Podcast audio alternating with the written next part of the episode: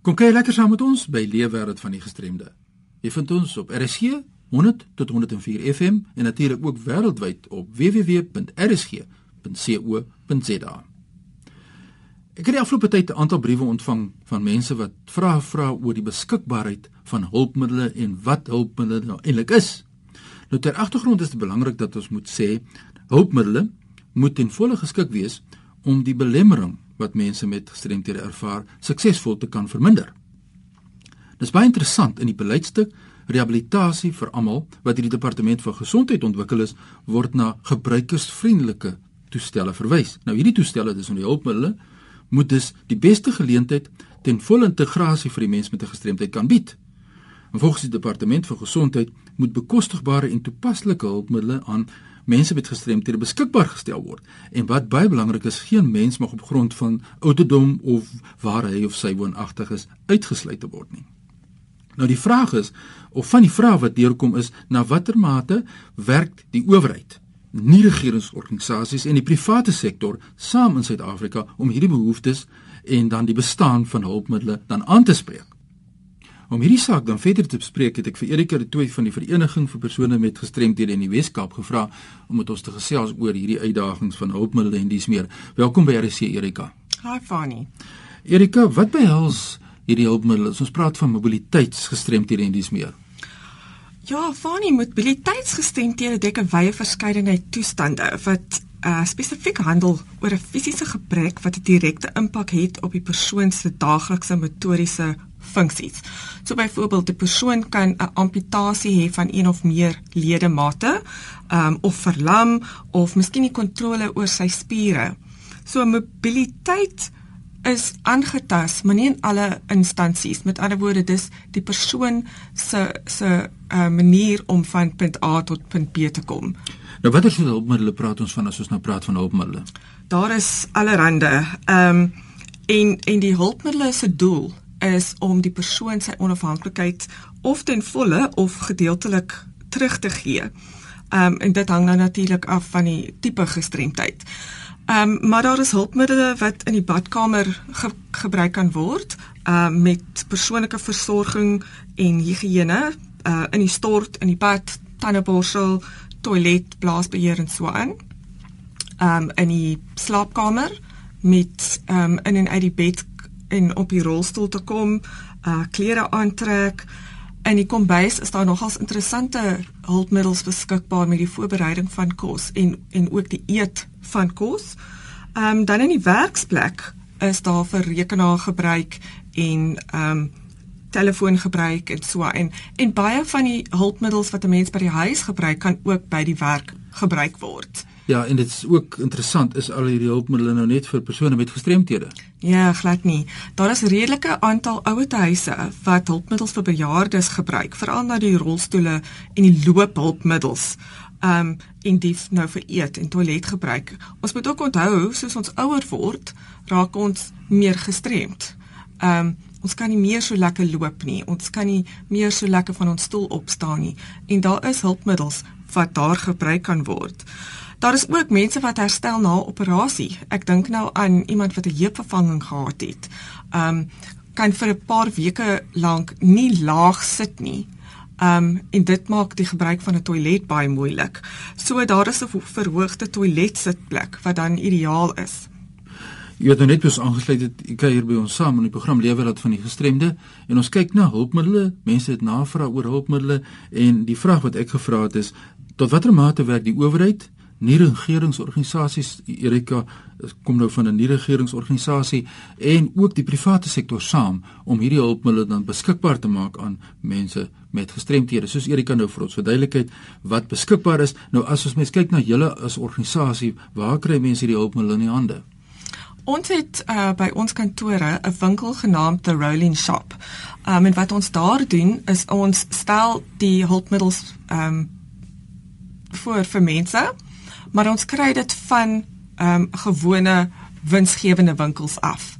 So ons probeer die grootste verskeidenheid moontlik aan te hou dat dat mense die publiek net na een plek kan kom en allerhande goed kan sien. Daar is nou beperkte spasie natuurlik, maar as ons iets nie het nie, dan onderneem ons om dit vir die persoon te soek totdat ons dit kry. Dan moet ek ook net noem dat ons die dienste van 'n arbeidsterapeut het wat raad vir persone kan gee oor die geskikte hulpmiddel vir hulle en hulle behoeftes ten opsigte van hulle gestremdheid en daai diens is gratis vir die persoon. Daar word nie ekstra geldelik ehm um, gevra daarvoor nie. Ja, dis baie wonderlik en so met ander woorde daar word holisties gekyk na die persoon se behoeftes as 'n mens nou spesifiek in die geval wat julle nou hier voorsien, mense met 'n mobiliteitsgestremdheid word daar voorsien en uh, dit is in lyn met wat die regeringsbeleid is en as nie winsgewende organisasie is julle dan in lyn daarmee. Nou as mense wil uh, navraag doen, uh, waar kry hulle dan aan die kontakbesonderhede? Ja, mense is welkom om ons te kontak per telefoon. Ehm um, die telefoonnommer is 021 355 2881 of per e-pos op director@wcapd.org.za en dan vra hulle net vir die Rolling Shop. Ons het ook 'n 'n webtuiste en 'n Facebook bladsy vir die Rolling Shop. So mense moet net soek vir the Rolling Shop op Facebook en dan sal hulle dit daar kry. Dankie Erika vir hierdie inset. Moenie weggaan nie, ons gaan net nou weer met jou gesels want by ons het nou aangesluit Danet Nel Danet. Ek het onlangs in die media verneem van 'n stelsel wat tot voordeel van mense met gestremthede aangewend kan word. Uh, maar eers welkom by RSG. Dankie Fani, hallo. Uh julle is te doen met 'n telecare stelsel. Vertel ons wat is 'n telecare stelsel? Telecare is 'n nooddiensstelsel wat gebruik kan word om ouer mense en mense met gestremthede so vinnig as moontlik in 'n noodsituasie te kan help. Baie noodsituasies vind plaas op moeilike plekke soos in 'n bad of in 'n stort en die stelsel is so saamgestel om selfs in sulke situasies te kan help so vinnig as moontlik.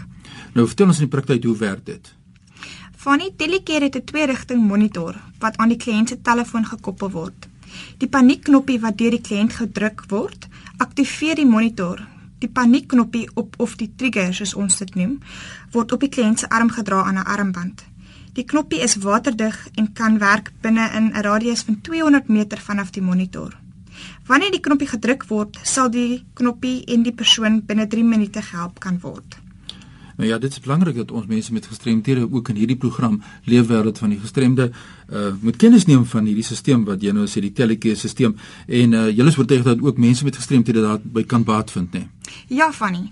Telecare is 'n baie unieke stelsel omdat dit baie aanpasbaar is. Die stelsel en die knoppies kan aangepas word vir enige gestremdheid.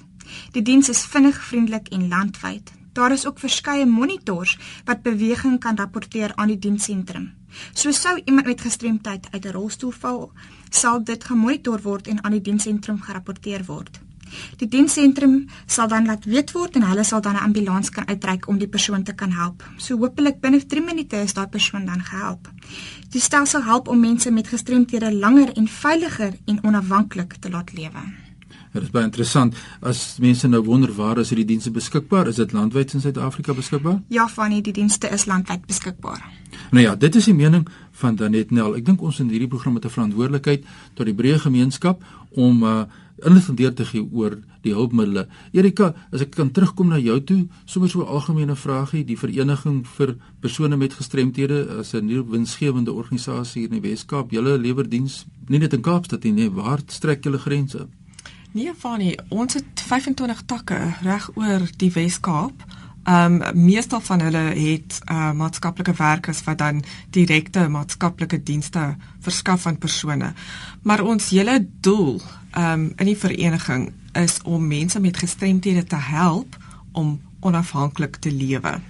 So dis nie dat ons inspring en sê hierdie is wat jy nodig het, hierdie is wat ons wil hê jy moet leer. Ehm um, ons vat hande met die persoon en hy doen die werk, ons ondersteun hom net om te kom waar hy in die lewe wil wees.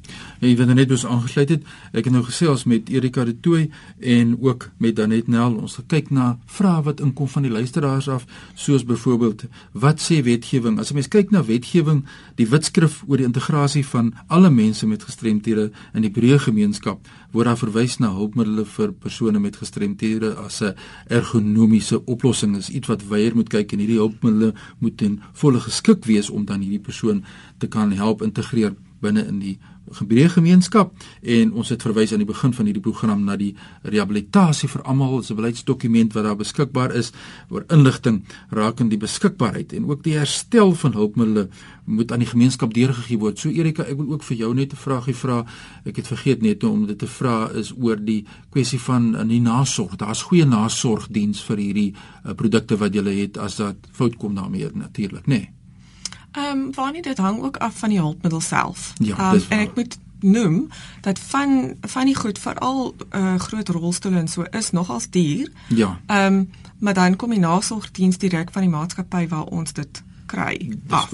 Dan is daar wat ek sou sê amper tuis gemaak is. Hulle is plaaslik gemaak deur gestremdes van hulle wat baie meer goedkoper is en en dit kan maar net vervang word as dit stukkend is. Dit is nou nie ja, Ja, dit is korrek. So, kom ons hoor wat sê dan net nou ter afsluiting julle ook die telecare stelsel. Dit is uh, die opvolgdiens en die nasorg is baie goed, nê. Nee. Definitief. Daar is maniere om um met die mense of die agent wat jou gaan help in in te tree en hulle sou vir jou kan help met enige vrae of enigiets aanpas as iets sou breek.